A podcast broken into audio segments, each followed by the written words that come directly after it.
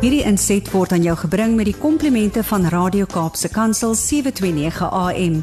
Besoek ons gerus by www.cape pulpit.co.za. Zanti Swanepoel, goeiemôre Zanti. Môre Brad en Leo en al die luisteraars. oh, you sound chirpy this morning. Wat het jy gehad vir ontbyt? Dit is wat nee. Like I said to you, that may the joy of the Lord be our strength and may we choose that every day. Amen. It's got to be a good choice and we got to make it. We can't not make it. So Zanti, as jy nou so kan begin, waarheen gaan ons met die ding? Weet jy nee, Brad, ja. Toe ek um, bietjie ponder en bietjie dink oor waaroor wil ek vanoggend gesels want julle ken al vir my oor jare. Hmm. Ek wil regtig nie oor iets praat wat ek nie voel die Heilige Gees op my hart kom druk het nie. Ja. Want anders kom dit uit my vlees uit en dan is dit nie life giving nie. Hmm. So ek so by die Here se se sit te ponder en wonder waaroor wil ek gesels en sy hart deel met elke luisteraar want ek voel if if it's something that can fall so deep in your spirit it can really change your life eternally Hmm. en dis waarmee ons besig is. En my my soeke en en die Homie en Brad, miskien het sit julle hart ook in en dis dalk die positiewe van van hierdie pandemie en van al die gaga wat ons deurgaan het met die verkiesing gister en alles is dat ons almal is oor fluff. Ja. They say when you go through a crisis, we get real. The fluff falls away. So ek dink ons almal is soos daai neute, die sjokolade is nou al mooi weg. Ons is nou maar net nat, nê. Nee. But we we my behoefte is to live in a state of realness. Hmm. Egtheid. Dat aan die vlam weggaan. Weet jy soos ek bid vir die Here my na 'n beeld toe van ek en Lourens op 'n stadium gewerk in 'n ongelooflike arm gebied in Pretoria en wat my so baie geval het en my hart diep geraak het was toe ons in 'n in 'n ek kan nie eens onthou in watter winkel ons ingestap het nie en daar's mense besig om jy weet daai waar jy brood koop en jy sny dit met die masjien. Dis hy. En dat daar kinders is wat so honger is dat hulle onder daai masjien staan net om die broodkrummels te eet. Want daar is nie kos nie. En weet jy, daai beeld wat die Here net weer so by my kom bring het, net nie so 'n geestelike impak op my lewe kom my en en weet ons vra so baie dat daar soveel mense wat onder die broodlyn leef fisies. En ek en jy moet die hande en die voete van die Here wees ook om daar te help. Maar wat ek vanoggend bietjie oor wil praat is dat daar so baie is van ons wat onder die broodlyn leef geestelik. Hmm. En soms maak dit ons armer as om fisies onder daai broodlyn leef. Because you see bread is a gift from God. Geestelik. Hmm. Die Here het vir sy volk manna gegee fisies in die woestyn toe Moses hulle deurgetrek het. Jesus het met brood 5000 mense kos gegee. En is dit nie mooi dat voordat hy gekruisig word, het hy weer brood gebreek nie. So daar's 'n ongelooflike betekenis en simboliek vir my en jou aan brood. Hmm. So hy so mooi as 'n quote lees oor brood wat sê all sorrows are less with bread. Ek weet nie wat vir julle is, maar dit is vir my so. Hmm. Lekker warm broodjie wat uit die oond uitkom, maak nou met alles beter. Without the bread of life, we are surely toast. Huh. What is dit? A table without bread is not a table. Mhm. But bread is a table on its own. There is just something about bread. The smell of baking bread, the incredible aroma wraps you in a yummy coziness like a soft, fuzzy, warm blanket on a cold winter's day. Put a little soft butter on a hunk of warm night from the oven bread, Oh. And it's like eating a slice of heaven. Bread is mentioned in the Bible 492 times. Miskien wil die Here vir ons vandag ietsie sê. Miskien complicate ons goed te veel.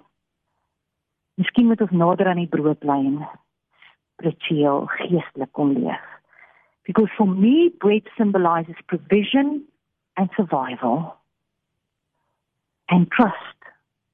Here het elke dag manna vir sy volk gegee en hulle mag nie opgetel het vir môre nie. Ek en jy kan die Here vertrou that he's our provision and he will help us survive. He will. It represents or symbolizes life and salvation. But for me, it's so beautiful when bread symbolizes forgiveness.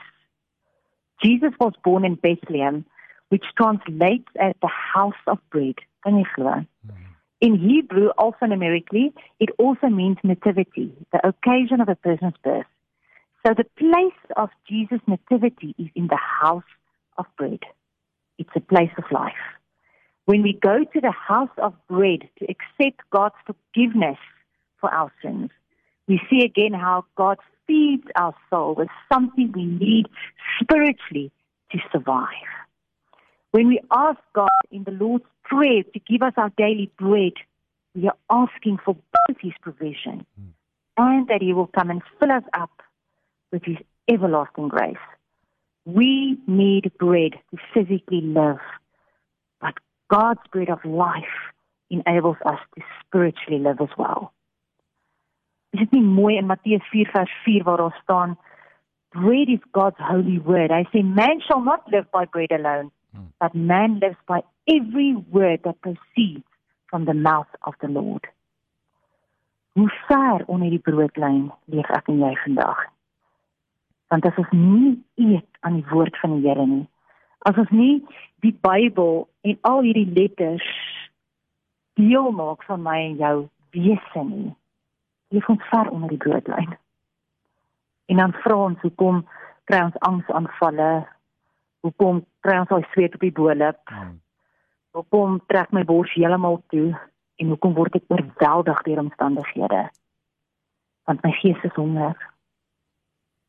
Ek verstaan nie dat dat hy die brood is wat ek moet eet nie. In Lukas 14 vers 15 staan daar: "Blessed is he who shall eat bread in the kingdom of God."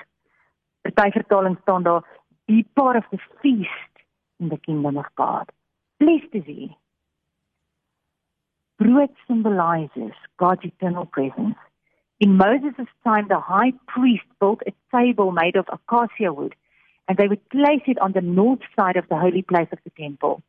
Twelve loaves of bread were put onto that, hmm. and it represented the twelve tribes of Israel. The loaves were a form of thanksgiving for God's constant care and presence and provision.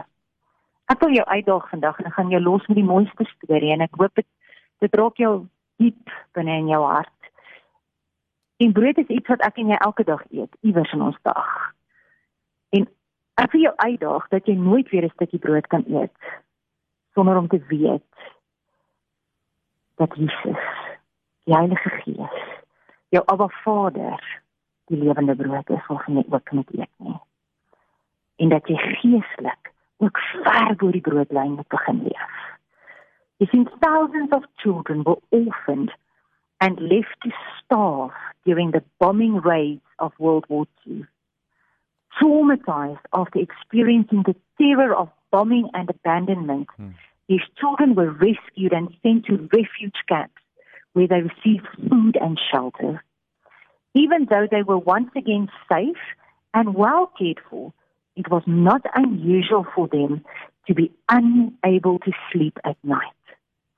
They got severe panic attacks. They were afraid they wouldn't wake up or they would wake up and find themselves homeless and hungry again. Mm. Nothing the adults did seemed to reassure these children until one night someone thought to send one of the children to bed with a warm loaf of bread. Holding on to it, the children were able to fall asleep. And if they awake frightened in the night, the bread reminded them, I ate today, wow. and I will eat again tomorrow. A night in Jesus' life floods to my mind when he took the bread and broke it and gave it to those he loved.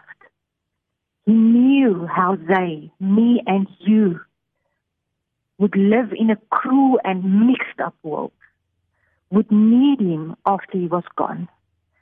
He knew that we were like those children needing to sleep with bread so that we, when we get that anxiety attack at night, hmm. we would be able to hold on to him, be given peace in an uncertain, merciless, broken world. And something solid to hang on to when you need hope.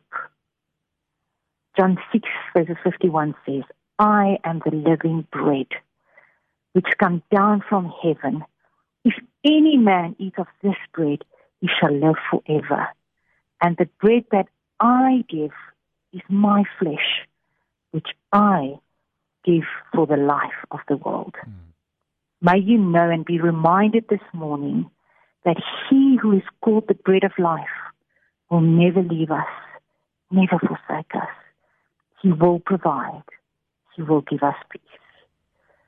Mag jy sommer metafories vanaand as jy onseker is, as jy bang is, as jy net nie lekker is nie, as jy all over the place is en jy voel oorweldig, mag jy metafories met met daai brood gaan slaap vanaand. En as jy deur die nag wakker word, kan jy nie slaap nie, dan weet jy he who looked after you today will also look after you tomorrow. Amen. Hierdie inset was aan jou gebring met die komplimente van Radio Kaapse Kansel 729 AM. Besoek ons gerus by www.cape pulpit.co.za.